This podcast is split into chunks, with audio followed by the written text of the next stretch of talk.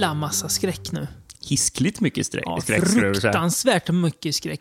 Minst 15 berättelser Ja. kanske vi tar med våra kära lyssnare på idag. ja. Och det är ju inte att vi har sett 15 filmer. Det är ju inte ens vi tid för. Nej. Eh, Vi är så pass eh, professionella poddare är vi faktiskt inte att vi Nej. kan eh, livnära oss på att se film, även om vi skulle önska det. Ja, det var det något. Ja, verkligen. Nej, du kokar ihop en häxbrygd till lista, delvis. Med, lite med min hjälp ska vi komma till sen, vad jag menar med min hjälp. Och vi ska prata lite antologiskräck idag, Mm. helt enkelt. Alltså filmer med flera filmer i sig. Ja. Kortare berättelser. Precis. Eh, Filmer i en film. Precis. Klassiskt exempel är väl Creepshow och eh, Tales from the Crypt kanske. Men Precis. vi kommer inte prata om någon av dem idag faktiskt. Nej. Vet inte varför. Det men- kommer, det kommer namedroppas, kommer det göra. Ja, det kommer det göra. Eh, men inte mer än så. här. Nej. Eh, jag tänkte innan vi går in på dagens tema så har ju vi varit på bio faktiskt lite grann. Det är inte Jag så hoppades på att du skulle komma in på Ja, det. bra. Det är inte ofta vi tar upp att vi har varit på bio, men ibland så gör vi det. Mm. Eh, vi har sett en bra film och en mindre bra film, får man väl säga. Ja, Båda hypade. ja, Ja, ja, den ena faktiskt. kritikerhypade, den andra hypade för att den, den har ett namn. Ja, precis. Mm. Så vi börjar med den bra filmen då. Ja, det kan vi göra. Mm. Get Out har vi ju sett. Mm. Mm. Man Eh, undrar ju om den skulle överleva hypen. Mm. Bara, skulle vi verkligen tycka den var Mm. så bra? Kan man kalla den för årets mest politiskt korrekta skräckfilm? Nej, förlåt. Det ska, nu var jag Det är hård. helt fel att säga. Ja. Nej, det är ju den här eh, XX. Ja, just det. Ja. Just det, just det såklart. Um, bru, brudfilmen tänkte jag säga nu. kommer jag få många arga lyssnare på mig här. Har, Nej, vi, men, vi, eh, den, en film vi inte än har sett, men det kommer vi givetvis se. XX, ja. Mm. ja. Men Under Get årets Out, gång i alla fall. I alla fall. Ja, verkligen. Eh, är ju då den här eh, hypade filmen av Jordan Peele. Heter regissören så? Eh, tror han heter det? Ja. Från eh, komikerduon Key and Peele. Precis.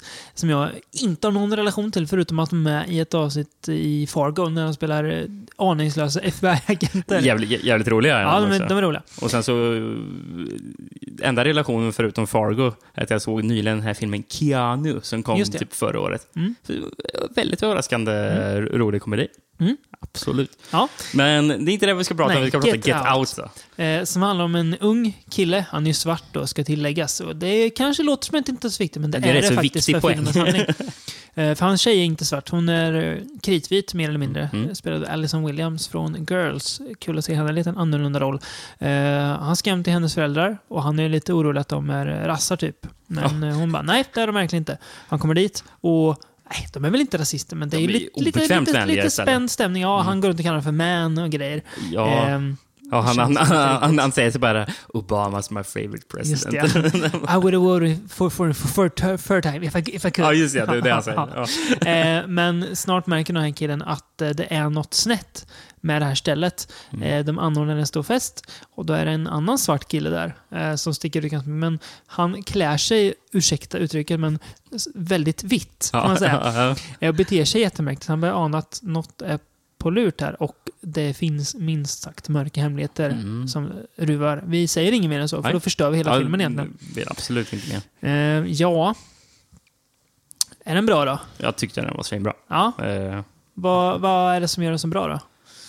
Tycker du? Vad var det som fångade dig med Get Out? jävligt bra twists i filmen, ska vi Mm. säga. Fl- Mm. fl- flera kan Mm. man nästan säga att Mm. det dyker upp. eh, Mm. Och som jag absolut inte tänker gå in, gå in på här, eftersom Nej. det absolut inte spoilar Det för, någon. Um, det var så upp, väldigt uppfinningsrik, tycker jag. Det, och kul att se, Mm. vet den här... Um, Ja, men, men alltså egentligen att se en skräckfilm överhuvudtaget vet jag, ur en svart mans perspektiv. För det är ju på tok för ovanligt. Väldigt sällsynt Mm. ja. Ja, verkligen. Som blir kul att vi ska faktiskt prata mer om det i den här podden sen. Jajamän. Eh, Eh, jo, men jag, jag gillar den också. Eh, jag tycker den var väldigt bra. Den var ju, alltså det är ju, skräckkomedi är väl fel att kalla den för, men eh, den har ju... den har en del roliga inslag. Ja. En, eh, en, en, en kompis till huvudrollen som är jävligt rolig tycker jag. Japp, han, ja, han var Ja. väldigt rolig. Eh, men jag tycker att den balanserar det här. Den balanserar det här, eh, eller den får till det här, eh, ska man säga, rädslan över det som på pappret inte alls är läskigt, men som vi alla vet är läskigt. Mm. Eh, att eh, hamna i, sitt, i socialt eh, obekväma situationer. Ja, jo, det finns ju typ inget läskigare nästan, skulle jag vilja påstå. Ehm, och just den här rädslan att eh, hamna i ett läge där man står i så tydligt underläge också. Mm. Massa vita, rika personer. Och själv är man en, en svart ung kille som kommer från fattig bakgrund. Mm. Det blir på något slags eh, sätt eh, underläge från början. En jävla clash. Liksom. Mm. Mm. Så att, eh, och sen så gör den... eh, Alltså, att- det jag blir glad över är att den faktiskt vågar vara en skräckfilm också. Mm. Och inte liksom behöver hitta på någon, ska man säga, någon så här vettig förklaring till varför saker händer. Utan att det faktiskt tar det här twistade spåret och Ja, kör det precis. fullt ut. Ja, det är ju väldigt eh, Mm. eh, vridet när, Ja. när man väl kommer till... Ja, till kritan ja. Ja, till ja. kritan, precis. Det är väldigt kul. Nej, men den var väldigt bra. Vä- Välspelad också. Jag gillar verkligen när han spelar huvudrollen. Mm. Vet inte vad han heter. Eh, har du det? Nej, men snart har det. Vi gör en snabb IMDB-sökning. Lite dålig research här, men det får ni Ja, jag visste inte ens att vi skulle prata om den, så- Nej, jag slängde in den som ett litet wildcard där. Ja. Get out. Då ska vi se. Eh, han heter alltså Daniel Kaluuya. Mm. Eh, har tidigare varit med i Sicario. Jaha, Och okej. din favoritfilm. Johnny English Reborn från 2011. Nej, förlåt. Eh, Kick-Ass 2 var med också. Eh, ja, han har inte gjort så jättemycket, men det kanske är en bra början. Ja. Ganska ung Ja, kille. Yngre än oss Ja, men jag, jag, jag, jag, gillar, jag, jag gillar honom. Ja, men väldigt bra. Eh, Eh, lätt att tycka om. Ja, verkligen. Nej, men det är kul eh, re- regidebut också från eh, Jordan Peele. Alltså solodebut om jag har Ja, förstått det rätt. väldigt va? imponerande. Ja, kom lite så här från ingenstans och jättehyllad och sen så var den jättebra. Mm. Vet du någon som kanske borde lägga regihandskarna på hyllan där, Rickard? Ridley Scott. Våran gode vän Ridley Scott, ja. Och då vet ni att det är ju alltså Alien Covenant vi ska prata om. Och nu Mm. tänker ni, men nej, den var väl inte dålig? Oh, jag hade hoppats så mycket på att den skulle vara bra. Ja, jag också. Jag gillar ju Alien och Aliens. Och sen inte, Och sen inte så mycket mer. Nej, men man gör ju vill ju ändå Ja. att det ska Ehm, en tredje bra. Precis, Alienfilm. ordentligt bra. Prometheus är en helt okej film tycker Ja, jag. fast Den är inte jag räknar den typ som inte, Nej, inte som en nej. alien-film. Eh, Eftersom det inte är några aliens. Så, typ. Nej, precis. alls. Ska vi ta lite plott kanske? Mm.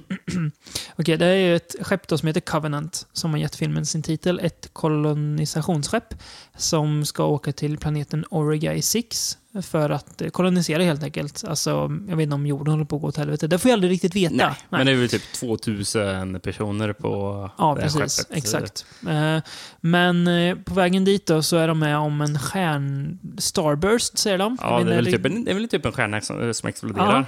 Eh, skadar skeppet en del, skapar lite kaos, dödar världen, årets mest onödiga cameo, James Franco, som är Ja. med i typ 10 sekunder kanske. Om ens det. Ehm, men sen så hittar de helt plötsligt på radarn en annan planet som verkar helt perfekt att bo- bosätta sig på. Så de beger sig dit. Eh, trots att eh, huvudrollen då, eh, Daniels heter hon, är starkt emot det. Men kaptenen säger jo men vi, vi ska dit. Och de ger sig dit och där då finns ju David, androiden från Prometheus. Som, eh, Mikael Fassbender. Precis, som även spelar androiden Walter som är med på det här skeppet. Så Ja. han spelar två roller.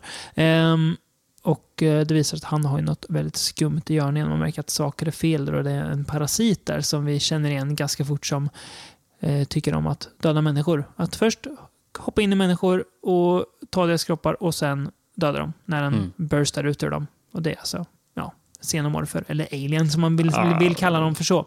Det är typ xenomorfer i alla fall, någon Typ- slags typ variant, fast de är vita. Ja, de har ju inte blivit eh, Xenomorphen. Nej, precis.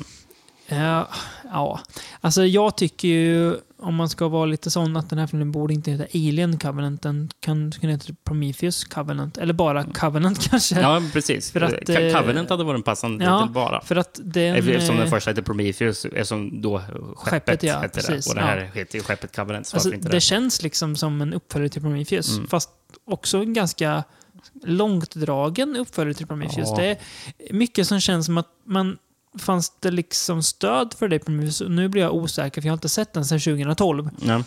Eh, Men jag har frågat dig som har sett om Prometheus för att vara lite säker på så jag inte tänker fel så har du bekräftat mina farhågor så jag har faktiskt inte fel. Nej.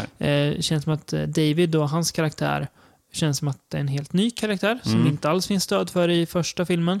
Nej, inte alls belägg för det. här. Nej, och hela den här storyn som vecklas ut känns som att, jag vet inte, det finns liksom inget stöd för den, det bara händer.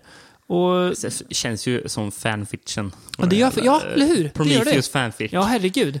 Och, och det är fan illa när det är Prometheus fanfic till och med. Ja, ja, det är inte precis. Mm. ens Alien fanfic. För att man bygger vidare på hela den här grejen att vi har någon skapare och så här, som var rätt intressant i början av Prometheus. Mm. Som de, de snårat väl in sig lite i det.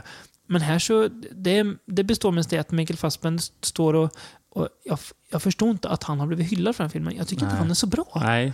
Det känns som att Spelar ju alltså, enformigt, Ja, tycker jag ju. Och Det känns som att de har, de har tagit typ så här smarta filosofer och tagit citat från dem och det är, det är hans repliker. Mm. Alltså det är någon scen när han, han står och säger någon så här eh, Lord Byron-dikt. Uh, Ozymandias pratar han Ja, ju just det. om. Ja. Och det känns så här, jaha? Okej, vem, vem står du och, och säger det här inför? Det är, det är uppenbart det är bara för att det ska låta mäktigt. Ja, men precis. På film. Eh, ja, nej. Känns så jävla konstlat. Uh, Ja, eller hur? eh, men, eh, nej, jag förstår inte heller varför han blev hyllad. Jag gillar ju Fassbender mycket bättre faktiskt i Prometheus. Ja, och Eh, Anna, men han är ju han är en jättebra skådis. ofta. Ja, ja, Alltså, men, men är alltså, om vi ska jämföra med ja, ja, är filmen innan, han gjorde ändå Eh, samma Han är roll. helt okej som Walter i den filmen dock. Ja, Där gör han väl bättre, inga, in- inga Mm. fel. Det är som David, han inte är bra. Nej, men, Eh. men, men om man ska jämföra, dagen innan så såg jag om Alien. Ja, Gjorde jag. Men alltså, vilken jävla film alltså.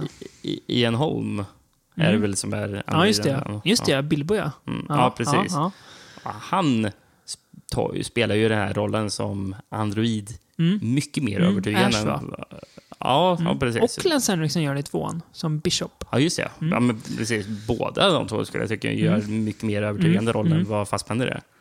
Men ett annat stort problem med den här filmen, om man ska jämföra med Alien, är att vad har Alien som den här inte har? Jo, en karismatisk huvudroll. Eh, Noomi Pass i Prometheus var ju rätt bra. Ja, helt okej var hon. alltså, Mm. Det är klart att de bleknar båda, eh, både hon Weaver, och ja. eh, den här som är med i filmen, mot Sigourney Weaver, som är fantastisk. Eh, Catherine Waterston, som spelar... Eh, jag har inte ens brytt mig att kolla upp vem det är förrän nu, Nej. för hon var så intetsägande. Hon är så, hon är så det, det, kändes, menlös. det kändes som att man hade plockat uh, någon ka- karaktär ur tv-serien Girls. Det kändes, Ja, kändes som de sån här ja, Brooklyn-hipster eller någonting. Liksom, ja, som man bara, typ. ah, vi, vi, vi, vi plockar med dig. Ni är, en jävla mes. Ja. Jag vet inte, hon känns bara... att- Hon känns inte... Hon, de ger henne ingenting att jobba med. Jag, jag, jag, jag tycker nästan synd om den skådisen alltså. Ja, Helt hon, intetsägande roll. hon, hon är inte dålig, alltså det är ingen dålig skådespelarprestation. Rollen alltså, det finns inget kött att ta på liksom alls. Hon... Det, Ja, men det, det alltså, liksom det, det har ju en del med att jag, jag tycker att hon, vet den här, hela hennes utstrålning Ja. eh, känns malplacerad Ja, i den rollen hon är. Hon känns inte som att, alltså hon, hon känns felkastad tycker Mm, jag att hon mm. gör faktiskt. Eh, även fast hon inte får så mycket att göra Nej. så tycker jag det känns som att den här skådespelaren borde inte blivit placerad till att spela den här rollen. Men det enda liksom köttiga vi får på henne, det är att hennes man dör i början. Sen har hon inga mer egna karaktärsdrag. det är det enda hon har. Och där nämner du, är det var det hennes mest onödiga cameo Ja, med James James, Franco, Franco? ja. Han, det tog mig ur i filmen när jag Ja. såg honom. Bara, jaha, det är James Franco jag kollar på, det är inte en Men karaktär här. Det är synd, för den här filmen kastar bort den. har eh, Damien Bashir som är med i eh, The Bridge, am- amerikanska versionen av Bron, Mm. som är en bra skådis som ganska bortkastad här som någon slags cool sergeant. Passar inte bra som hård, hård militär. Nej, Eh, vi har Amy Seymetz som har gjort massa indiefilm, även med The Killing. just ja. Som spelar någon slags techbrud som också är ganska bortkastad. Eh, Billy Crudup är väl helt okej. Vem är Som Billy spelar Crudup? kaptenen. Eh, han som spelar huvudrollen i Almost famous, eller rockstjärnan i Almost famous. Även med i. Watchmen, tror jag. Ja, ja. Eh, tyvärr spelar han inte Ozymandias i Watchmen. Det hade, det hade varit Ja, kul. det hade varit. Nej, han gör inte det. Jag tror han spelar eh, någon annan. Ja. Men, eh, ja, jo, han spelar eh, Captain Manhattan. Dr. Manhattan, han. Mm. Det blir Eh, ganska bort. Så det är, liksom, det är bortkastat och Ridley Scott eh, har i alla fall varit en bra regissör en gång i tiden. Mm. Men det känns inte som att han bryr sig här alls. ja. Ganska Ja, kast manus också. Fast, ja, ja, precis. Eh, Jag skulle säga de två största brotten som den här filmen gör. Det första är att den är tråkig. Den är över två timmar lång. Den är ju 30 minuter för lång typ. Ja, verkligen. Ehm, sen, ibland stentrist faktiskt. Jag Ja. bara, kan, kan inte filmen sluta snart? Mm. Och Mm. det ska man inte känna när man Nej. sitter på, i bio. Liksom. Det värsta var att Då, till, då, då brukar med, till och med kunna tycka att filmer är lite bättre Ja. än när man ser om dem efterhand. till och med när de liksom var i Alien, alltså när Alien jagade dem, tyckte att det var tråkigt. Det alltså, jag vet inte vad... Nej. Ja. Nej, och det, det- an- det, det, Besvikelse alltså. det andra brottet den gör, och jag tänker vi, vi, vi tänker inte avslöja egentligen vad som händer, men eh, det har, den har lite twists eh, som förstör mycket av hela alien-mytologin. Mm. Eh, alltså det, den förstör all mystik ba, bakom den här Mm. mm. xenomorfen. Mm. Var, var, var den kommer ifrån, vad det är för någonting. Mm. Eh, helt plötsligt blev det det bara, jaha, var det Mm. bara det? Mm. Eh, Precis. eh, Skitdåligt. Ja, precis. Istället för att ha någon mystik kring det som, som, som gör till exempel första Alien så Mm. bra. Eller Som bara, när de landar på den här planeten, vad, vad är det för någonting Mm. de har hittat? Mm, mm. Eh, det- Så är det med alla bra filmmonster. Michael Myers, han är ond. Va, varför? För han är det. Mm. Punkt. Vi behöver inte- veta varför. Det blir bra mycket sämre i Rob Zombies Halloween 2 när man han förklara vem förklara han är. Michael Myers. Det är ju alltså, det är det som, alltså, det är ju läskigt när vi inte vet när det drivs av någon så här bara blind ondska liksom. Mm. Eh, Det är inte alltid man behöver en förklaring. nej, det är, eh, och det det är märker man väldigt tydligt det där. behövs en förklaring. Ja, men, eh, jag, jag, jag använder det som exempel innan vi Mm. började spela in här, men alltså, det känns lite lika dumt som att man ska försöka förklara eh, H.P. Lovecraft. Mm. Vad- Du behöver ingen förklaring till vad de här kosmiska varelserna är för Nej. någonting. Det liksom tar bort all, allting. Mm. Mm. Från. Ja. Nej, stor besvikelse alltså. Mm. Får vi ändå verkligen. säga. Alien Covenant. Men eh, ja, vi kommer väl få arga lyssnare på det här och folk som tycker att det var jättebra. Ja, nej, det var inte det faktiskt. Nej, Punkt. absolut inte. Ska vi gå in på något lite roligt istället och prata om eh, poddens första antologifilm nu då? Det är ju faktiskt det, varför vi sitter här Ja, just nu. vi gör så. Vi åker 72 år tillbaka i tiden till Jaha, andra världskrigets sista år och Dead of Night. Mm? Måste vara en av de första antologicirkusarna känns det som. Ja, eh, det Säger det utan större belägg. Ja, men jag eh, tror det känns Det typ ligger så. någonting i det. Jag tror jag till och med har läst det. Okej. Mm. När jag körde lite background check på den här. Gör det, med, så kör jag lite, lite handling så länge. Mm. Eh, I Dead of Night då får vi följa arkitekten Walter Craig som, eh, lite oklart varför han gör det, beger sig ut eh, på landsbygden till en grupp främlingar. Det verkar som att han ska på något sätt hjälpa ägaren där att eh, planera utbyggnad av den här gården han bor på. Men lite oklart varför. Han verkar nästan lite ovetande själv varför han åker ut dit. Eh, märkligt nog dock, när han kommer in här och de här sex, eh, fem främlingarna till en början, kommer den sjätte sen, eh, som han aldrig har sett, ändå känner han igen sig. Han vet vad folk ska säga innan de har sagt det. Eh, han vet vad som kommer hända under kvällen, säger han, och de tror inte på honom först. Det finns en psykolog där som är väldigt emot honom. Ehm, men eh, en av dem reagerar då på att eh, ja, men, jag känner också igen det här att jag liksom har sett något som jag vet ska hända. Och det är en racerförare som börjar berätta om eh, hur han med en hårsmån, får man säga, lyckas undvika att eh, träffa döden. Han är först med om en bilolycka. Eh, klarar sig faktiskt, eh, men det är, det är nära att han inte gör det. Mm. Eh, men sen så ser han ett tecken som gör att han förstår att eh, han ska ta en viss väg i livet. Ja. Det är en annan berättelse i den här, för den, det är de här olika personerna ber- berättar om så märkliga saker de har varit med om. Så för att liksom, på något sätt stärka Walters då, tro att han, han har varit med om det här tidigare. Mm. Deja vu deluxe. Eh, en ung kvinna berättar om en variant av kurragömma i ett hus som sägs vara hemsökt. Eh, och vi får även höra om en Det är väl under man... jul, de dansar väl typ runt granen? Ja, just det. så. Ja, de men det och leker någon slags konstig... kurragömma. Ja, precis. Eh, det är en man som får en spegel eh, av sin fru. Men den här spegeln visar sig ha väldigt märkliga egenskaper, får man säga. Mm.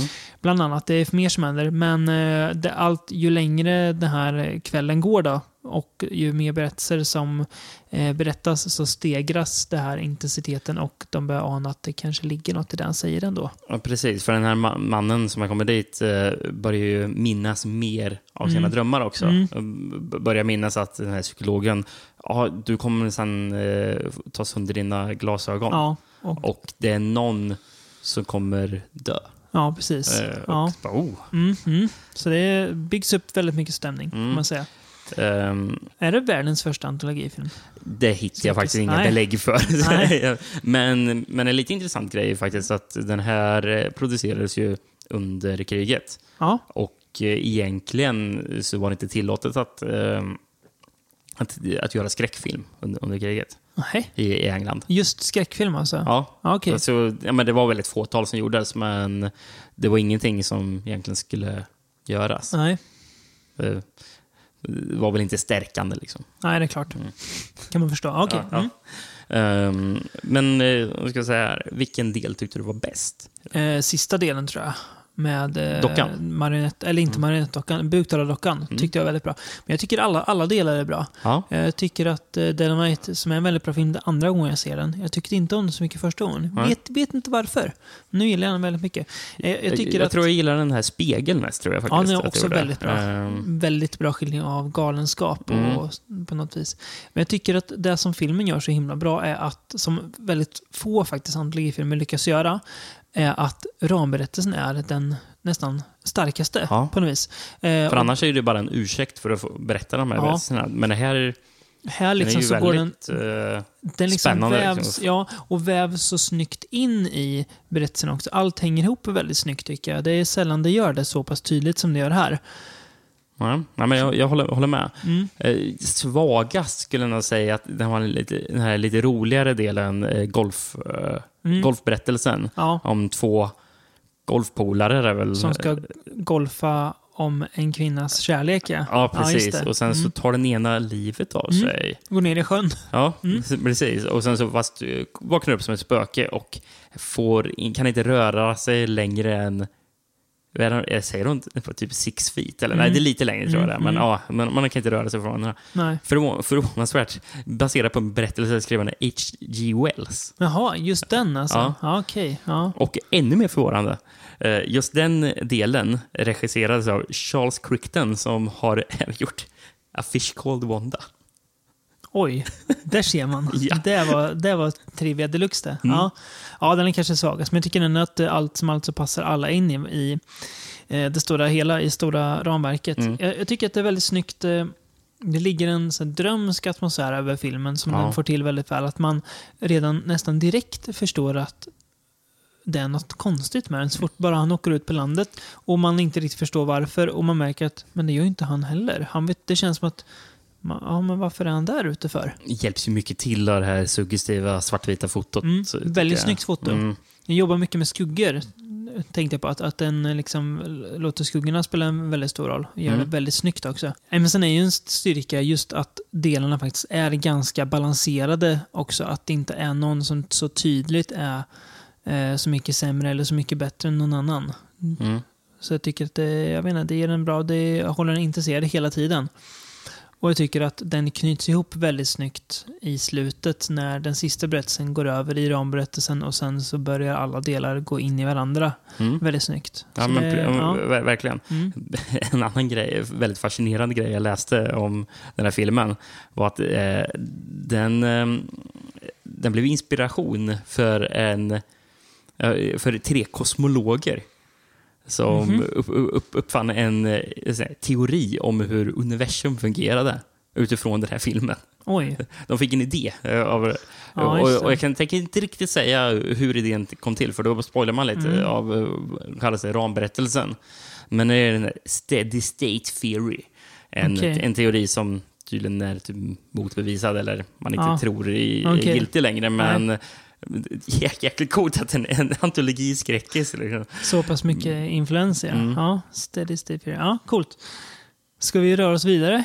Ja. Vi hoppar över fem- 50-talet, va? Eh, ja, det tycker och jag. gör oss till 60-talets slut istället.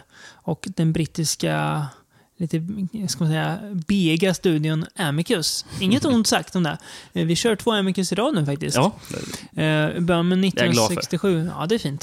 1967 års Torture Garden, som ju nästan låter som en, så här, en av alla de här japanska märkliga filmerna du, du tittar på där ett tag. Eh, Inferno of Torture, den där, eh, Oxen eh, Torture, vad heter det? Oxen Split Ja, Torture. fan, som du, som du fick, fick mig att titta på någon gång. Jag fattar knappt vad jag tittar på. Människor som, människor som lider i två timmar. Ja. Det tar vi till en annan podd. Ja, det, det gör vi. Det måste vi nästan köra ett japansk eh, 60-talstortyr. Vet Eller vad- sju- vet- tidig 70-talstortyr. Vet vad som händer då? Nej. Fumio har noll lyssnare. Vadå? Vill de inte höra om Teruo Ishii? på hans eh, filmer. Jag vill. Så Ja, ja precis. räcker. Ja. Ja. vi har ju två lyssnare, oss själva. ja, det räcker ibland. Vi får nu Kristoffer att lyssna på oss. Det är ja. nog mycket möjligt. Ja. Torture Garden i alla fall, från 1967. Eh, han utspelar sig på ett nöjesfält där Dr. Diabolo, spelad av Burgess Meredith, va? Mm. Mm. Precis, som eh, är väl från... Mickey i Rocky ju. Ja, just fan det är. Mm. Men har inte... Han ko- återkommer sen Mm, lite ja, grann. Ja, vi precis. tar han sen gör vi. Just det. Han visar upp alla andra hemskheter i sitt skräckhus, får man väl säga. Eh, och erbjuder där en liten grupp besökare en specialvisning som utlovar riktigt ruskiga otäckheter. De tar fem pund och det är ganska mycket pengar. Ja, de, de blir bara, nej, Ja. det här kan vi inte. Nej, vi... men de, det är något som, något, ja, precis. något som lockar dem då, så de hänger med. Eh, och då får de chansen att möta sin inre ondska, lovar han. Alltså det liksom mörkaste sidan av, er, av er själva. Och lära sig undvika den här möjlig mörk, ett mörkt öde liksom, som kan drabba er om ni gör det här som händer. Mm. Eh, och där visas deras värsta egenskaper, girighet, svek. Och det får ju då dödliga konsekvenser för dem eller de nära dem. Mm. Mm. Men den här har ju mycket av det jag, jag gillar med antologiskräck. Mm. Just att det är moralberättelser. Mm. Alltså bara, ja, Mm. om, om, om du är dum Mm. så, Så kan det här hända. Du ja. kommer dö, Precis. kommer du göra. Exakt, ja. eh, vilken del är det bäst här då? Ehm, jag, ska, jag måste påminna mig Mhm. nästan. Jo, men eh, jag gillar ju delen mest med eh, Peter Cushing och Jack Palance. Mm, jag håller Eh, med. Jack Palance som ju dyker upp som en liten smygis efter ett tag faktiskt. Han Mm. säger Han- ingenting förrän ganska långt in i typ filmen. en timme in i Mm, filmen. Är första gången han pratar. Eh, Han, ja, han, han har mest stått i bakgrunden Mm. och flinat Ja, åt där eh, Jack- Dr. Diabo, på det där Diabolos. Jack Palance sättet som bara han kan. ja, precis. eh, nej, men jag håller Han, med han, han, han, han är inte hög som han är dock i, um, vet den här, i den här västern han är. Som vi pratade om, Companeros. Just det, där han röker gräs i den. ja, just det. Ja, Just det, det. det, det är han inte här. Men ja, hur som helst, i den här um, delen med Jack Palance då. Mm. Där Peter Cushing spelar en samlare av Edgar Allan Poe. Yes. Han är typ världens största... Ja, Poe-samling. Mm, precis. Och det blir Jack Palance väldigt intresserad av. Han vill köpa av honom, men Mm. eh, inte till salu. Och sen går de ner i källaren när de har druckit lite sherry eller något. Ja. Och eh, där nere har han ju något väldigt unikt, får man väl säga. Opublicerade verk Ja, bland annat. Och Något annat som något annat också Ja. som vi inte säger. Ja, jag håller med dig. Den delen, det är nog den kanske bästa, bästa utnyttjandet av Poe på film, tror jag, som jag har Mm. sett. Eh, tycker att eh, Stuart... Klimaxet på den är ju helt otroligt. Grymt. Jag tycker att Stuart Gordon gjorde en eh, kul The Black Cat när Jeffrey Combs spelade en sjukt bildlik eh, Edgar Allan Poe. Googla så får ni se den. Mm. är så sjukt lik. Eh, den är bra. Men annars, jag vet inte, har man sett någon bra Poe-filmatisering? Ja, det är ju eh, Cormans då. Men det är ju, Corman är ju mer Corman än Poe kanske.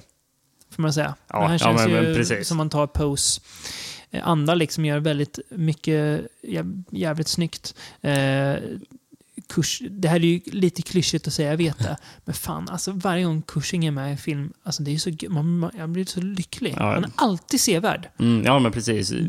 Omedelbart fängslande. Ja, han, han, kan Han behöver bara öppna munnen så bara, ja, är jag han, han kan vara med i skit, men hans scen är i alla fall ofta bra. I Mm. alla fall det som han gör. Och han verkar ju bry sig, trots, att, trots vad han Ja. än är med i. Så verkar vara superproffs, Peter Cushing. Ja, Alltså, men att, att han alltid gick in för att göra sitt bästa, liksom, oavsett vad det var han gjorde. Ungefär som Vincent Price också Ja, var, jag har förstått. Att verkligen. han älskade ju Ja. den här, det han Inget gjorde. nu ska man inte snacka skit om de döda, men Christopher Lee verkar inte riktigt ha samma... Liksom, han verkar vara lite finare i kanterna. Men han har gjort mycket... mycket han, Ja. han verkar bry sig många Franco-filmer och det är ju inte alltid fint i kanten. Nej, så att, eh, all credit till Christopher Lee ändå.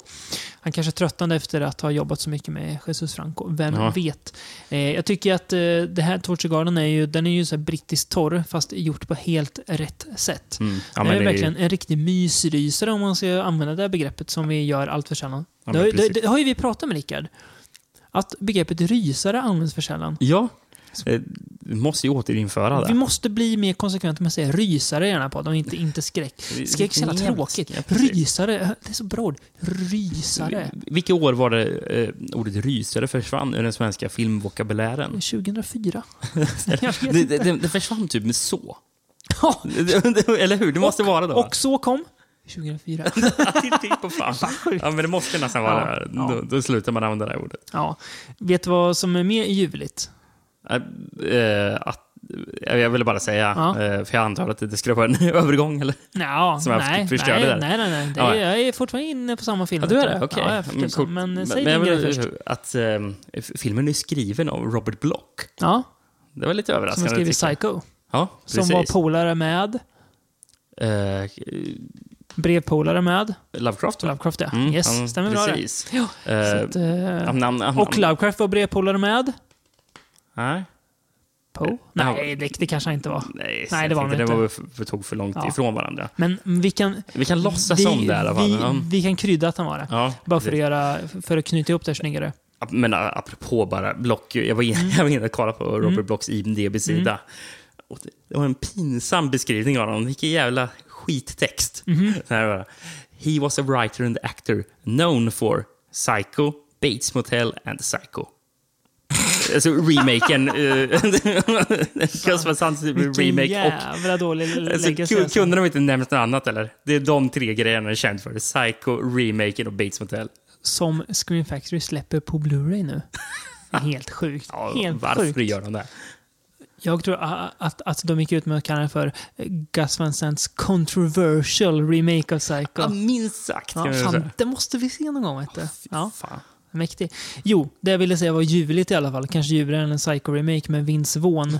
Det är ju Burgess Meredith, alltså. Mm. Han är... Jag tycker om honom, alltså. Han passar ju perfekt som den här... Dr. eh, Diablo. Ja, Ja, lurig och... Mm. Lite- ser listig ut som fan. Såna här nö- nöjesfält förresten.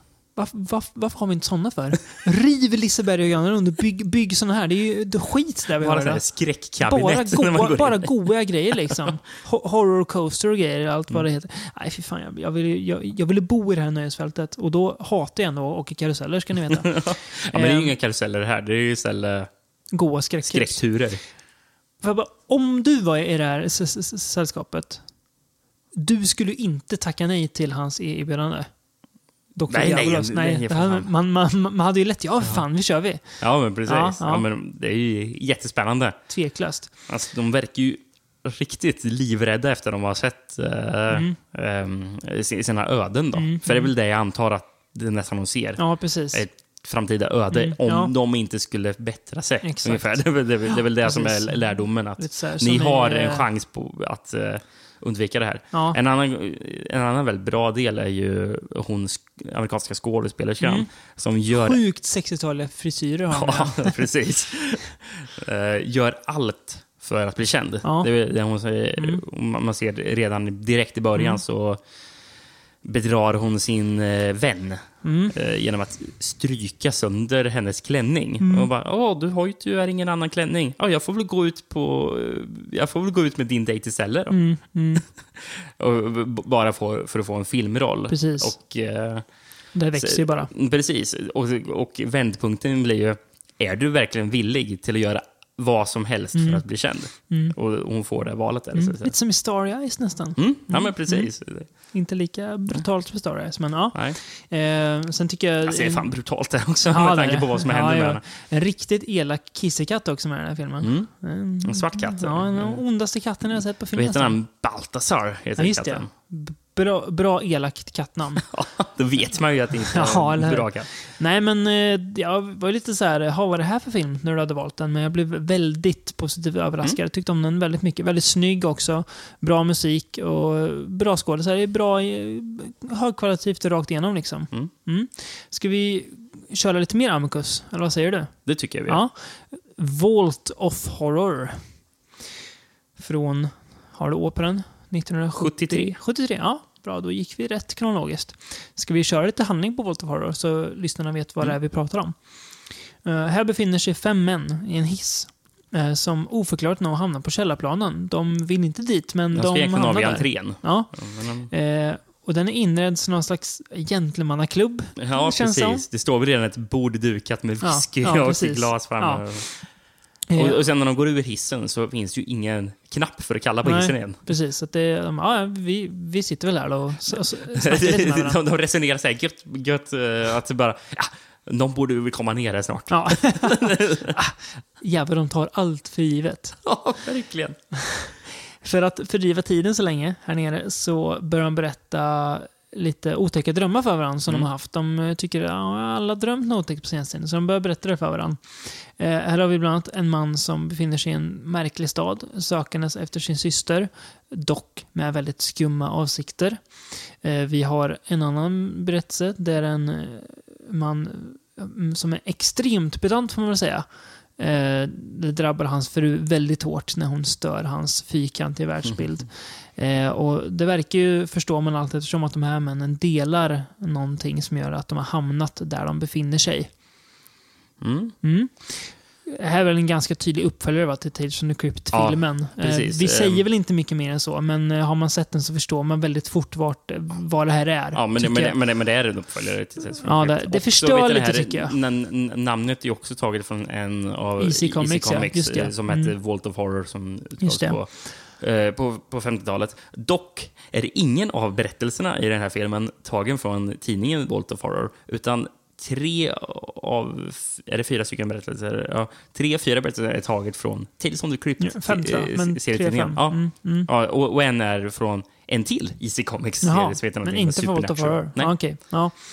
Jag tycker väl att det kanske det förstör lite att man har sett Tales from the Crypt, för man förstår direkt vad det är som, vart det kommer leda till. Så Tänker man ramberättelsen? Eller? Ja, precis. Mm. Så twisten är ju lite förstörd redan Mm. i början. Ja. Sen är det inte en lika bra film som Tales from the Crypt Det är inte lika heller. bra delar. Är det Nej. Inte. Eh, kul förresten att vår gode vän Tony Curtis dyker upp här också. Som art director stod jag i början. Tony Curtis. Det är ju såklart inte samma Tony Curtis. Men, då, men, men då, vet- då, när jag såg hans namn så kände jag bara en, liksom, en varm känsla av Tony Curtis i The Mummy Lives. Ja, just det. Varm känsla. Den filmen har man ju sett, ja. Ja, men precis. Tänkte jag då. Ja. Ehm, det här är faktiskt den enda Amicus-antologin som Peter Cushing inte är med i. Jaha. Det gjorde han väl rätt i kanske? Ja, ja, det känns. Att gjorde välja bort just den här. Och, eh, och anledningen, om, jag vet inte hur mycket jag ska lita på den här anledningen, men det stod att, att han inte var med för att Mm. han var upptagen med att filma And Now the Screaming Starts. Mm. Fast det konstiga är att Now the Screaming Starts är regisserad av samma regissör som den här filmen. Jaha. Så det är bara, okej, men om regissören inte var upptagen, hur kunde Mm. Peter Cushing vara upptagen då? Mm, märkligt. Ja. Det- det- De kanske bara hade en second unit director på den. Ja, Eller på den här. Ja, precis. Eh, ja, vad ska man säga om den?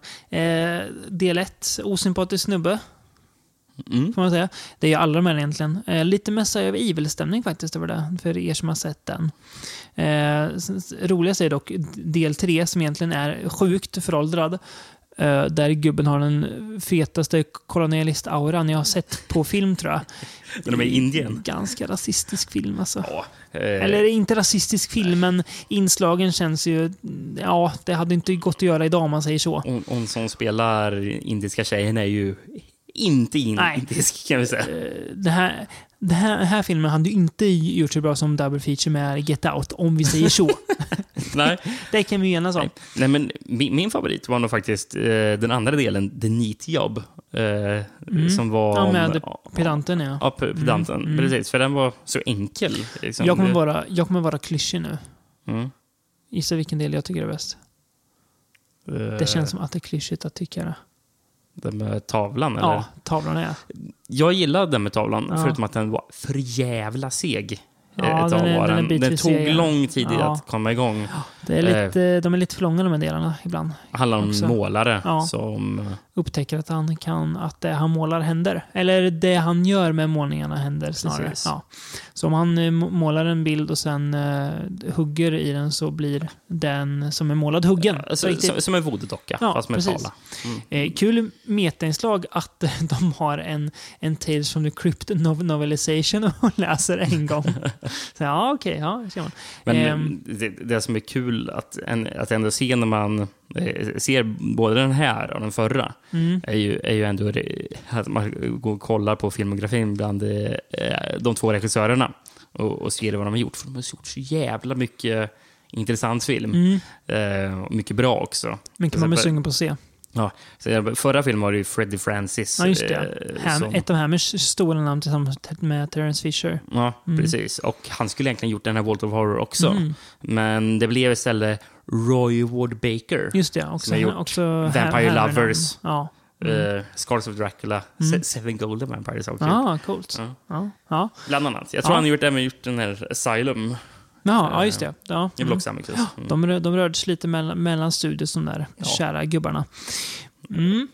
Eh, Och han, han, han är väl sen, eh, vad heter han, Fra- Francis, Freddie nej, Fre- Francis. Freddie Francis. Ja, Han, han är ju tydligen Oscars, eh, Oscar-vinnare han. För, eh, för foto, okej. så tydligen, i, Ja. i två filmer. Han, Inte i någon Hammer-film då nej, kanske? nej, det ser men det man. blir lite ja. mer anrika filmer Ja, kanske man kan precis. säga än man Hammer. tänka. Ja.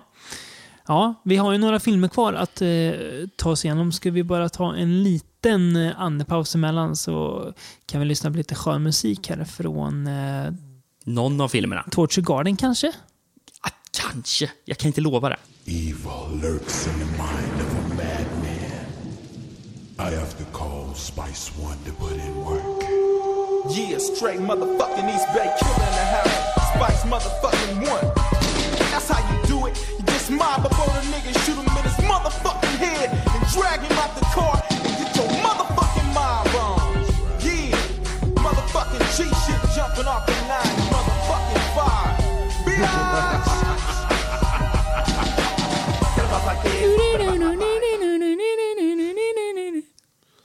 Är det inte så musiken låter? Typ, nästan. Ja, ungefär så. Ja. Vart är det vi ska bege oss in nu direkt? Vi slänger oss in i den i efter pausen. In i the twilight zone. Precis. Försöker du få till, eh, vad är det han heter, skaparen nu igen? Rod någonting? Rod Serling? Rod Serling, just det. Där, just det, precis. Ja. Ja, jag, försökte, nej, jag försökte inte alls härma Rod Serling. Nej, du försökte härma Twilight Zone-musiken och eh, någon slags berättare också där. Försökte få till. Det är ju Twilight Zone... Mediokert av mig. Ja, verkligen. Dålig segway in i en film, men nu kör vi. fan. Twilight Zone ska vi prata om. The Movie då, ska vi tillägga, från 1983. Mm. Inte tv-serien varken som kom före eller efter. Eh, Ja, det var ambitiöst eller, av oss. Eller efter, efter för den delen. Det finns faktiskt en, en nyare också. Det hade varit ambitiöst om vi såg alla avsnitt av The Twilight Zone in, inför. Ja, det hade varit ambitiöst av flera orsaker. Mm. Twilight Zone the Movie då. Börjar med eh, två män som är ute och åker bil på Mm. natten. Dan Aykroyd. Ja, och Albert Brooks. Ja, var det från Drive. Vet Just ja, det var det ju. var därför jag kände igen honom. Ja, ja, han är bekant. Albert Brooks, ja. Eh, radion går sönder och de får ägna sig åt att eh, ja, prata mer istället. Eh, och då börjar de minnas serien då, The Twilight Zone faktiskt. Eh, Började och- prata om eh, sina favoritavsnitt. Mm. Eh, och eh, sen efter att en sak händer i bilen så är det en berättare som tar med oss, alltså någon slags, en röst som tar med oss i olika berättelser. Eh, I den första delen möter vi den rasistiska, för man minns att säga, John, som väldigt bittert eh, sitter och pratar om en befordran han inte fick och klaga på asiater och på svarta och ja. Eh, och sen, eh, han går ut från baren för han blir så trött på det där. Och vart är han då? Jo, i Nazityskland och blir jagad. För han ser sig ju själv, eller vi ser honom som han själv, men de andra ser honom ja, som Som jud, eller svart, ja. eller... Vietnames i som- Vietnamkriget. Eh, I den andra berättelsen så befinner vi oss på Sunnydale, Sunnyvales ålderdomshem. Dit det kommer en solig svart äldre herre Spelad av ändå Scatman Crothers. Ja, det är han, Scatman Ja. Crothers. Ah, klart det. Eh, som eh, försöker få lite liv i gamlingarna och eh, hitta ungdomen igen hos dem. Och han har ett speciellt sätt, Kick the Can, en lek de ska leka med varandra. Eh, och I del tre så träffar vi lärarinnan Helen eh, som möter en ung pojke som inte visar sig vara som alla andra riktigt. Och i den fjärde och kanske mest berömda delen så följer vi Mr Valentine som eh, extremt flygrädd. Vart befinner han sig? Jo, på ett Nightmare. flygplan. Uh, Nightmare at 20,000 feet. Är inte 37 000 feet? Nej, 20,000 feet heter inslaget. Alltså kanske det. Vart fan får jag 37 000 ifrån? Ingen aning. Nej, ja. Eh, men eh, hans flygläsare blir ju inte bättre när han ser någonting på vingen, Nej. kan man säga. Mm. Får jag bara börja med att eh, påpeka vilken jävla tråkig och lam insats Steven Spielberg gjorde med Kick the Can. Är det hans del alltså? Ja, Scatman Crowder-delen där. Ja, okej. Jag hade faktiskt inte koll på... Jag visste första och sista delen bara. Mm. Eller jo, ja, det är ju klart att, att del, del tre är Joe, Joe Dante när, när, man, när man tänker på det. Mhm.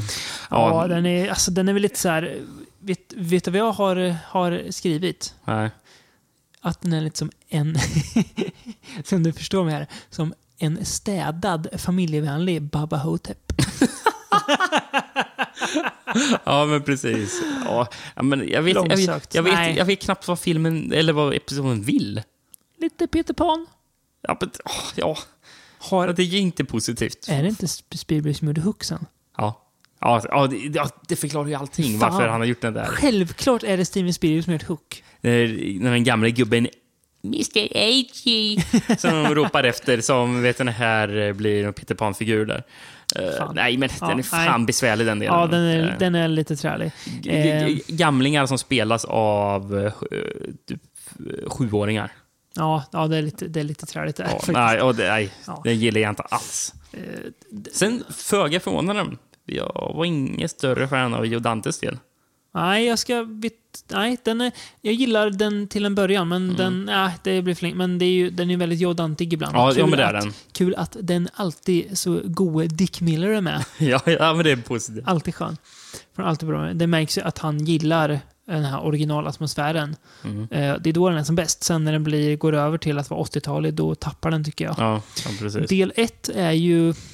Jag är lite tudelad inför den, alltså, Mm. för den känns lite olustig att se. För er som inte vet så dog ju då huvudrollen Vic Morrow i en helikopterolycka. Alltså en helikopter som sprängs typ. Ja, men Och det, det, det är att... eh, Ja, eh, den, det, här, det här klippet finns ju att se. Ja, det- det- det, den, den, eh, den detoner... Det var en, en detonator som gick Ja. av för tidigt, Ja. tror jag förklaringen var. Ja, Som gjorde att helikoptern tappade kontroll. ja Och, just eh, det. och flög då ner mot eh, Vic Morrow och, och, två, barnskådisar. Precis, två, två, två barn. Varav, Eh, som eh, Landis dessutom använde illegalt. Precis. eh, De fick ju inte arbeta egentligen, Nej. de två. Tydligen var ju Landis jättekoksad under inspelningen och Spielberg sa upp vänskap med honom direkt efter. Mm. Ja. Så det blev väldigt eh, bra del Ja, dock, men ja. den är, det är Ja, olustigt att se på något jag, jag, känns... jag, gillar, jag gillar delen också. Mm. Eh, För egentligen skulle ju den slutat med att de var i Vietnam. Mm. Och eh, Vic Morrows karaktär fick upprättelse genom att han räddade två vietnamesiska barn Mm. Okej. från de amerikanska soldaterna. Och därav blev hans typ för, han var då fördomsfri. Han Ja, hade okej. typ Ja. gjort någon slags Mm, upprättelse. mm, mm. Men eftersom han dog under det inslaget så klippte de bort eh, eh, all, allting med de två barnen. Just delar av Vietnam finns fortfarande kvar. Mm. Men ja, de hoppade istället tillbaka till Nazityskland, som Mm. jag antar är mer grejer de hade filmat, men inte Mm. använde till första Precis. delen. då. Eh, ja, den är ju olustig att se. Den. Eh, Men bra. ja, men det, det, Morrow är bra. Den är bra, den. Men sen så är det ju den här George Millers del som är bäst. George ja. Miller, ja, Nightmare. precis. precis. med det, den alltid älskvärda John Ja, Lithgow. han passar bra som, eh, som flygfobiker alltså. Ja. Eh, det är bra. Alltså, det som den här filmen saknar lite, som vi pratade om med Dead of Night förut. Eh, den knyter ihop allt snyggt, tycker jag. Sista Mm. delen går in i ramberättelsen. Men annars finns det ingen ramberättelse egentligen. Nej. Det är en bil, jag tycker de, det är synd också att den saknar ramberättelse. Ja, de kör bil i början och sen är det berättare som tar med oss på olika berättelser och sen så tar den tillbaka och så sen är det slut. Mm. Det känns liksom att det är ett par kortfilmer som de bara har satt ihop med varandra. Jag vet inte om det var tänkt att det skulle vara mer än så här, men att det havererade i och med Jag tror Landis-katastrofen. nog inte det. Jag tror det här är faktiskt... Det, det är liksom så det är tänkt vara, Typ, tror jag. ja, mm. Eh, skulle jag i alla fall gissa på. Mm. Ehm, jag mindes den här så mycket bättre än, än om jag tyckte den var nu. Mm. Eh, för jag mindes den som att den var jävligt otäck. Eh, kanske mest för Dan Aykroyds eh, Mm. chockeffekt i början Ja, av filmen. Eh, om, när man inte är beredd på den. Nej. Då jävlar. Ja, jag var och, och, inte- och det jag blev livrädd första gången Ja, jag jag såg förstår den. eh, När jag var mindre. du var säkert inte så gammal när du Nej, såg den första gången? nej, jag minns inte hur länge sedan det var, Nej. men eh, den är jävla effektiv jumpscare i alla fall. verkligen. Bra Eh. ljudeffekt också på den. Har typ en Jagar eller någonting Ja, som någonting. ryter till. Ja, precis. Ja. Det är bra. Ehm, men ja, ja men det, jag ska väl säga George Miller är ju bäst. Bäst. Ja, Mm. tveklöst. Ehm, och det är bara John Landis uh, den här del Mm. som inte är ett tag, som inte är en remake av Twilight Zone-avsnitt. Okej. Det är de andra tre. Mm. Ehm, Det är kanske mest alltså. berömd, vet den här, den sista delen som Ja, är William eh, Shatner. precis. Mm. istället för John Lithgow. Ja, jag tror jag har sett det avsnittet med lilla, lilla, lilla pojken. Mm, Jag tror jag kan ha gjort det. ja. Ehm, kul, Eh, vi, vi nämnde ju Robert Block förut. Mm. Robert Block skrev eh, the novelization av den här eh, filmen. Mhm. Ja, han var aktiv så, så länge alltså? Ja, det ser Han, han dog väl på 90-talet tror jag han Okej. gjorde. Mm. Om jag inte minns fel. Mm. På tal om Burgess Meredith som vi var inne på lite förut. De pratade lite om han förut för han är ju med i en klassisk Twilight Zone-del som de nämner i den här, skulle Mm. sägas. Är En bibliotekarie som befinner sig i en eh, värld i ruiner. Mhm. Ja, så vi går vidare till något som inte är så mycket Burgess Meredith kanske. Ja, det, är väldigt långt från Burgess Mer- Meredith, känns det som. Vi beger oss in i The Hood och pratar om lite Tales from the Hood. Som jag om någon annan, när vi fick prata om den, fick, fick för mig skulle vara den här filmen Snoop Dogs Hood of Horror. Ja, precis. Jag blandade ihop de Ja. två liksom, men eh, det är det ju inte. Ledsamt. Ja, ja, det får man säga. Eh, Tales the Hood. Spike Lee producerade den här. Ja, just det. Jävligt förvånad. Ja, faktiskt, när jag såg hans namn där. Eh, är det en Spike Lee-joint då? Ja, det ska vi ta, Ja, ta, jag ta vet reda inte på om det snart. räknas som det. Nej, Ja. nej. Eh, Skämt åsido.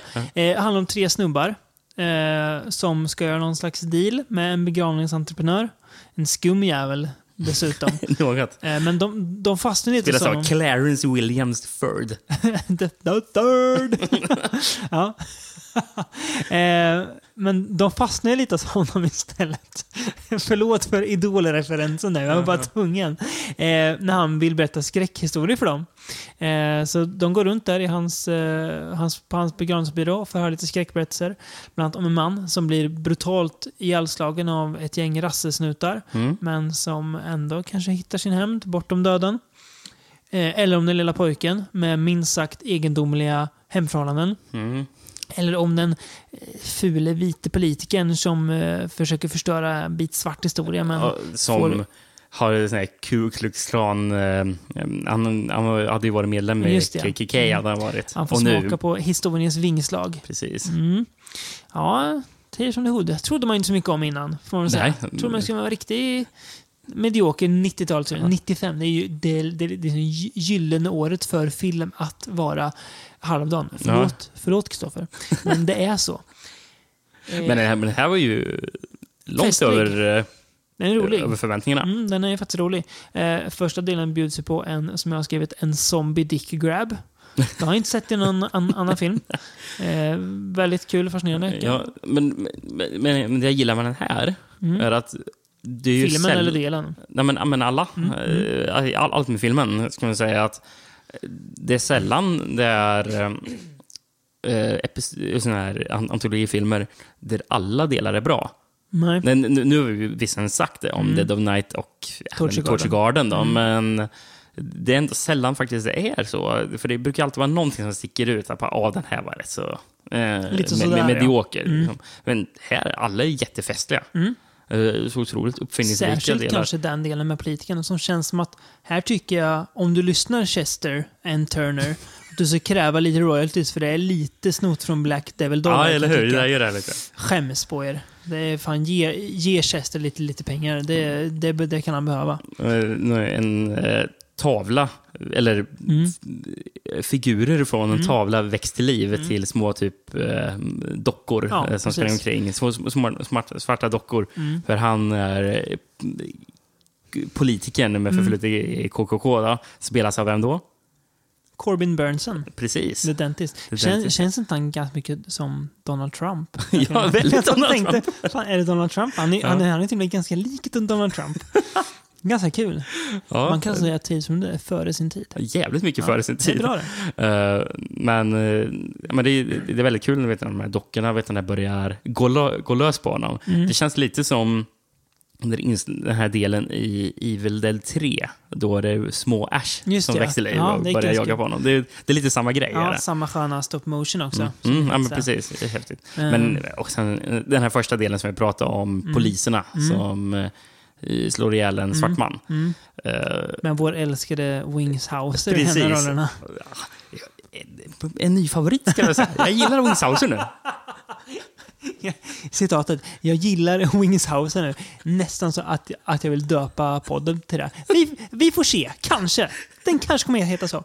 Ehm, ja, nej, men den är kul. Väldigt fe- fett slut också. Den knyter upp det hela ganska bra. Ja, det är Men, så alltså, den otroligt ju, festligt slut. Ja, men den är rolig, eller den är ju intressant, uh, Tales of för att den, eh, alltså, samtidigt som den är ganska så här, ska man säga, mycket med glimten i ögat och ganska rolig, så är det ju ändå så tydligt att den tar ett svart perspektiv och att det är eh, oftast de vita som är bovarna. Mm, ja. Och att de liksom ofta är alltså, strukturell eller historisk rasism som gör att de är onda. Och så Ja. får de smaka på hämnd helt enkelt. Ja, ja, men det är ju kul perspektiv att Mm. få se. Mm. Eh, Ett litet annorlunda, så återigen som i Get Out, att man faktiskt får eh, den andra, som man får säga så, perspektiv Ja. istället för att alltid ha vårt egna och se på den som den andra. Så Mm. blir, här blir vi den andra istället. Vi Ja. om man tänker att vi är. Ja, Den den, enda lite delen den inte, den enda delen det inte är det perspektivet, är, det är väl typ eh, Boys Do Get Bruised, som just är det, om precis. Mm. skolan. Då är, Jävligt mörk del alltså. Ja, det är det. Fan vad den är mörk. Men jävligt coola effekter i slutet på Ja, den också. ja. Där eh, misshandlarpappan spelas av regissören faktiskt. Jaha, okej. Så, ja, Ja. lite fascinerande. En- men en pojke som upptäcker att eh, det han ritar blir Mm. verklighet, Mm. typ, som en slags voodoo-docka där också. Mm, Som Vault of Horror. mm, Mm. mm. En överraskande fin film från Mm. eh, Eh, ni- 90-talets mitt. Borde absolut kollas upp Mm. av alla, Mm. tycker jag. Vet du vad som inte är en särskilt fin film från ni- 90-talets mitt? Campfire Tales. Japp, från 1997. Eh, det roliga var att eh, det här är ju den här filmen som är mitt bidrag, då får man väl säga. Eh, Campfire... Det är det du kan stoltsera med att du valde den Nej, här. det kan jag verkligen inte göra. När du skrev Campfire Tales så tänkte jag, ja men det är ju den från 97. För den här hade farsan i DVD-hyllan. Jag minns omslaget så väl. Jag minns Eh, omslaget från videobutiken. Ser ut, ser ut som någon som en typ eh, fågelskrämma typ. Ja, det är nästan så att jag trodde det här kommer ju vara slasher. Ja, Eh, Mm. Alltså när man såg... ja, ja. Eh, så Även, där, fast jag kanske, även fast jag inte riktigt visste vad en slasher var. Men, Nej. så därför valde den här före den från 91, där eh, Gunnar Hansen bland annat är med. Så det blev den från 97. Det kanske inte var så bra val. ah, den får du stå för. Campfire Tales handlar om ett gäng ungdomar som kör av vägen en sen kväll och tvingas vänta på hjälp vid den ödsliga vägen. Eh, I väntan på det här så gör de upp en eld så länge och berättar lite spökhistorier för varandra. Då. Den första handlar om ett nygift par, eh, Rick och Valerie, som är på smekmånad. Eh, och eh, under ett stopp så träffar de en man som varnar för något och det är ju något som är mystiskt där ute i natten. Den andra delen handlar om, ja, är, den här delen ska vi, ska vi prata om sen. Ja, det måste vi göra. Vi ska problematisera den här delen, så jag sjunger om det. Det är inte bra. Det handlar om Amanda, en ung flicka. Ung flicka. Typ 11 år. Glöm inte det. Ja, som är ensam hemma en kväll. Eh, Vad hon inte vet är att eh, flickan hon chattar med egentligen är något helt annat än en ung kompis. Yeah. Är prologen i den här filmen nödvändig? Precis, en prolog till ramberättelsen. Mm. Be- Ehm. behövs den? Nej. Nej. Ehm, den här är ju... Det är eh, James Marsden Ja. och eh, Amy, Amy Smart. Smart. De enda två skådespelarna man känner igen i den här filmen, Nej, nästan. en Nä- till. Nästan. Mm. Jag kommer inte på vem Ja, men det kommer vi sen till. Ja, okej. Eh, Ja. ehm, ja, men eller vi, vi, vi nämner det direkt. Eh, Ron Livingstone. Just eh, ja, med just i ja, den första just ja, episoden. Just det, Rick va? Heter han väl? Ja, det Eh, kanske Ja, precis. Rick och Valerie. Ja. I eh, delen The Honeymoon. Just det, ja. Mm. ja. Alltså, Ja, men om vi bara nämner det, eh, prologen är ju så Mm. otroligt onödig. Ett par, den ska utspela sig lite, typ 50-tal är det Ja. väl. Eh, och, och hur visar man det? genom att den är sepia-tonad. Ja, precis. Och då är det... Då, då, Då är det förstår jag. 50-tal. Ja, precis. Eh, Och nej, men- att, de, att de åker till en kulle och, och ska hångla. Som att det, man, man tror nästan att det är The Zodiac som ska komma Ja, dit precis. och eh, döda dem. Men eh, det visar sig att det är... eh, De, de, de ser en... Eller Amy Smart ser i alla fall någon mörk figur. Så de bara, hon tvingar dem att nu åker vi därifrån. Sen går han ur bilen och ser Mm. att det en, hänger en krok i dörren. Och det är ju en klassisk urban legend. Och Ja, det är vad de här Campfire Tales Ja, kommer vara. ja. All, all, allting är ju baserat på Mm. vandringssägner. Där, därför vet man också hur, hur det kommer gå. Alla vet man ju Ja, typ så det är också rätt så tråkigt. Eh, Särskilt visste jag det. Den här delen med den suspekta. Eh, ja, den suspekta delen med flickan. Ja, ska vi- Eh, ska- vi, vi kan eh, gå till den direkt, kan vi göra. För det, den heter, vet den här, vet den, heter den People Also Lick? Jag tror Ja, just den heter. Just det. Eh, Ja. Eller People Can Lick Too, Ja. står det. Eh, och och den minns jag redan som barn att jag läste i sån här... Råttan i pizzan. Nej, men, nej, men mer, Typ. en liten skräckbok. Ja, men typ Eh, Råttan i pizzan. Ja, fast, Fast det, var, skräck. det här Ja. var, var mer bara skräckberättelser. Ja. Men den här klassiska man har läst flera gånger Ja. om en om, om, om en, eh, ett, ett barn som har en hund Ja. under sängen Ja. som slickar på Ja. handen för att då känner hon sig trygg när hon ska Ja. sova. Sen så visar det sig att i det här fallet är det ju en... eh, Pedofil. Ja, typ. precis. Eh, ja, I många andra fall, förmodligen det fallet som jag pratar om, var det ju istället att det var ett spöke. Mm. Ja. Men, det var ju knappast en pedofil i de här gamla svårt barnböckerna i alla fall. Nej, ska vi problematisera den här delen kanske? Det finns ju en scen när den här unga flickan klär av sig. Typ. Och det är filmat på ett nästan så här... Jag vet Ja, inte. Mm. Suggestivt sätt. Alltså nästan som att man typ nästan sexualiserar det. Och det är jätte, känns bara fel.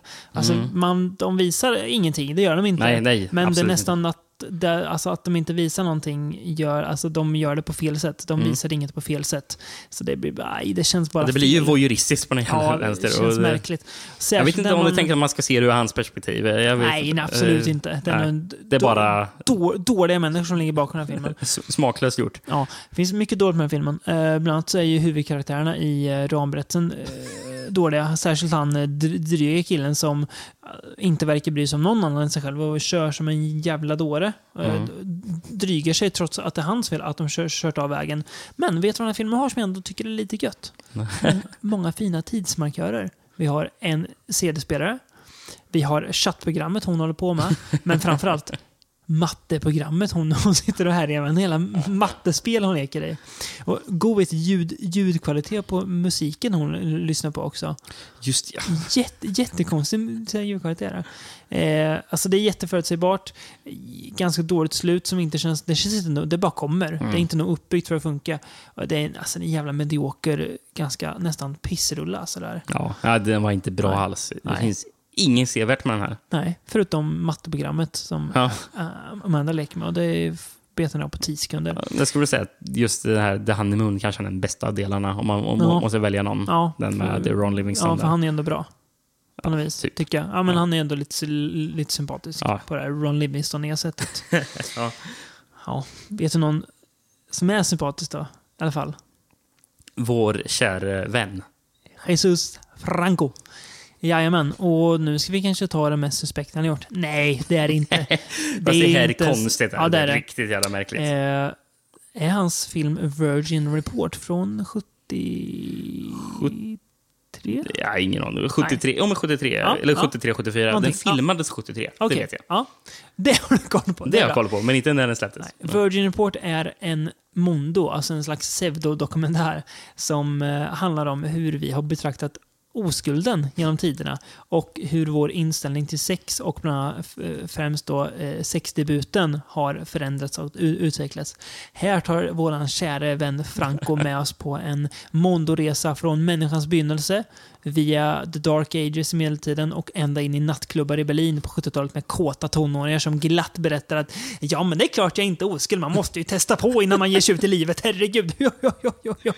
Ja, ja, Ehm, namnet Virgin Report. Är-. Ja, ja, men också vet en anspelar på, för det fanns en tysk, tysk filmserie som heter Schoolgirl Report. ja, just det ja. eh, som finns typ 13 delar i. Nej, Gör det.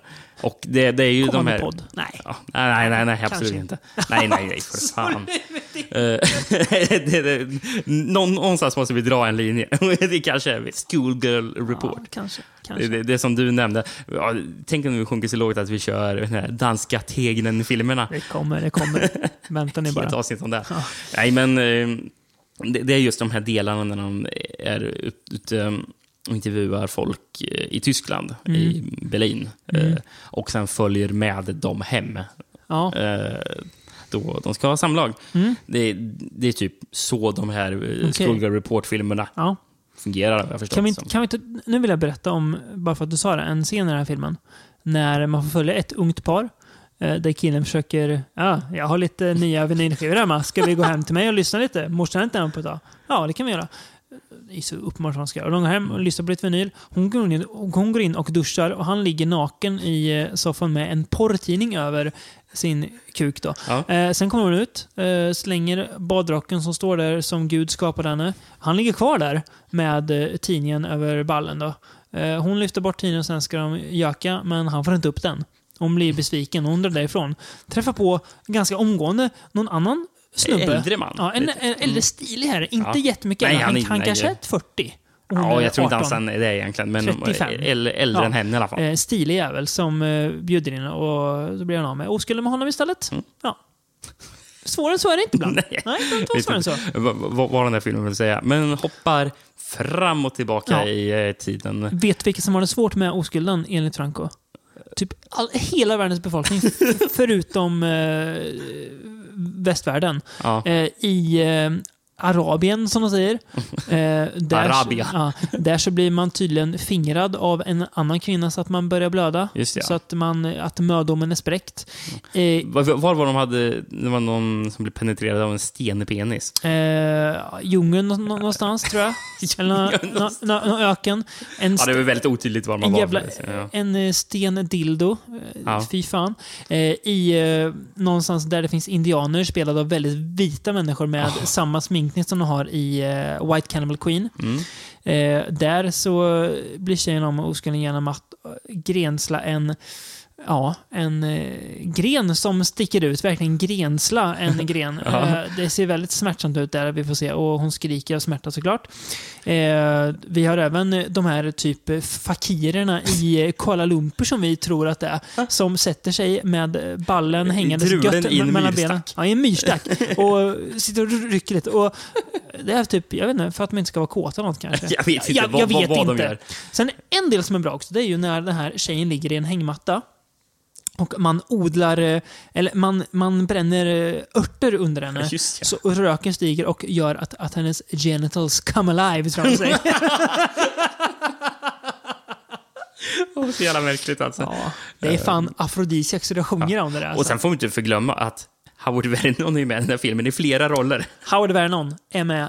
Han är kåt på medeltiden. Han är arg farsa på 1800-talet som skäller ut sin eh, lustfyllda dotter. Som, som typ poserar i en spegel. Ja, och han är inkvisitör. Ja. Som straffar folk som eh, har haft mens. Och man måste veta vad man gjort med mensen. Mm. Jävlar vad mäk- mäktig han var den här. Mäktig säger när han, när han, Spelar när- över så jävla när, när mycket. han är kåt på medeltiden. Han verkar så jävla kul Howard Vernon. Är han full här? Ja. Ja, måste han nästan vara. Vad fan. Fan. Jävla livslustig Howard Jag älskar Howard Vernon. Vernon, ja. Han är- med mycket Oj, oj, oj. Eh, och det, just att Howard Vernon är med så mycket tyder också på att det här är ju så hittepå som det kan bli.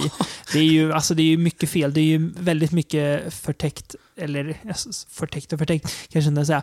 Eh, Rasism i den här också. Ja. Som känns, men eh, jag vet inte, på något sätt så garvar Men, jag ändå åt det. men så är det ju i all Ja. Mondo-film. Säg en Mondo-film som inte är Fy rasistisk. fan vad, jag- fan vad jag gillar Rick, att vi börjar på det med Get Out och slutar med Virgin Report. Det är fan hela jävla spektrat är det. Det man kallar för high and low alltså. Ja, fy fan.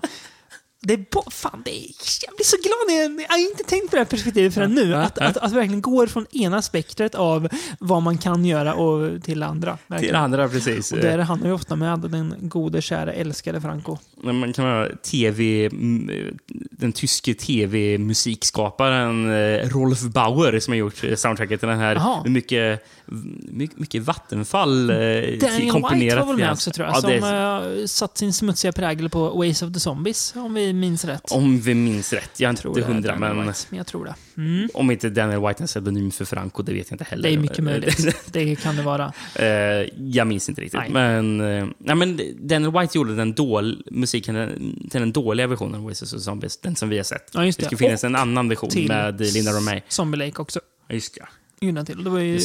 Ja. jättedålig musik i båda två. Ja. Nej, men eh, Rolf Bauer, det är mycket vattenfall Mm. och hans musik. Bombastiskt ekar utöver filmen. Mm.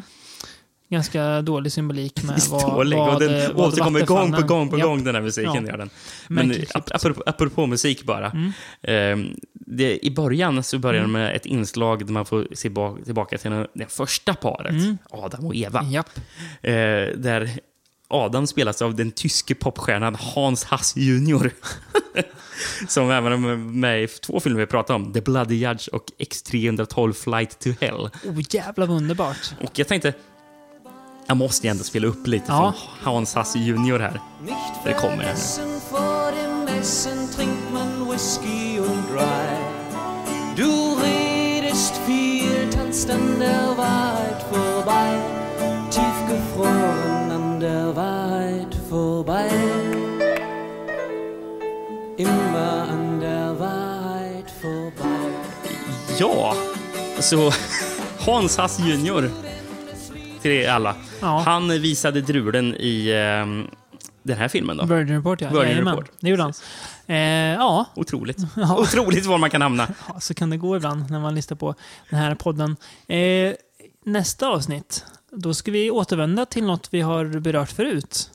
Vi ska ta på oss de svarta skinnhandskarna igen. Vi ska plocka fram rakbladskniven och vi ska Mm. ge oss ut på jakt efter eh, folk med ett okänt motiv som dock alltid kommer fram i slutet när vi ska prata om Giallo-filmer igen. Åh, vad härligt. Underbart. Jag ser så mycket fram emot det. Ja, jag också. Vet du vad? Nej, Jag tycker att vi låter det här avsnittet nu avslutas med att vi låter Ebb- ebba Rolf... Äh, ebba ut. Nej, bombastiskt eka ska Eka Rolf, ut Rolf Bauer... över vidderna. Och glöm inte att Virgin Report är filmen ni ska se. Nu kommer Rolf Bauer.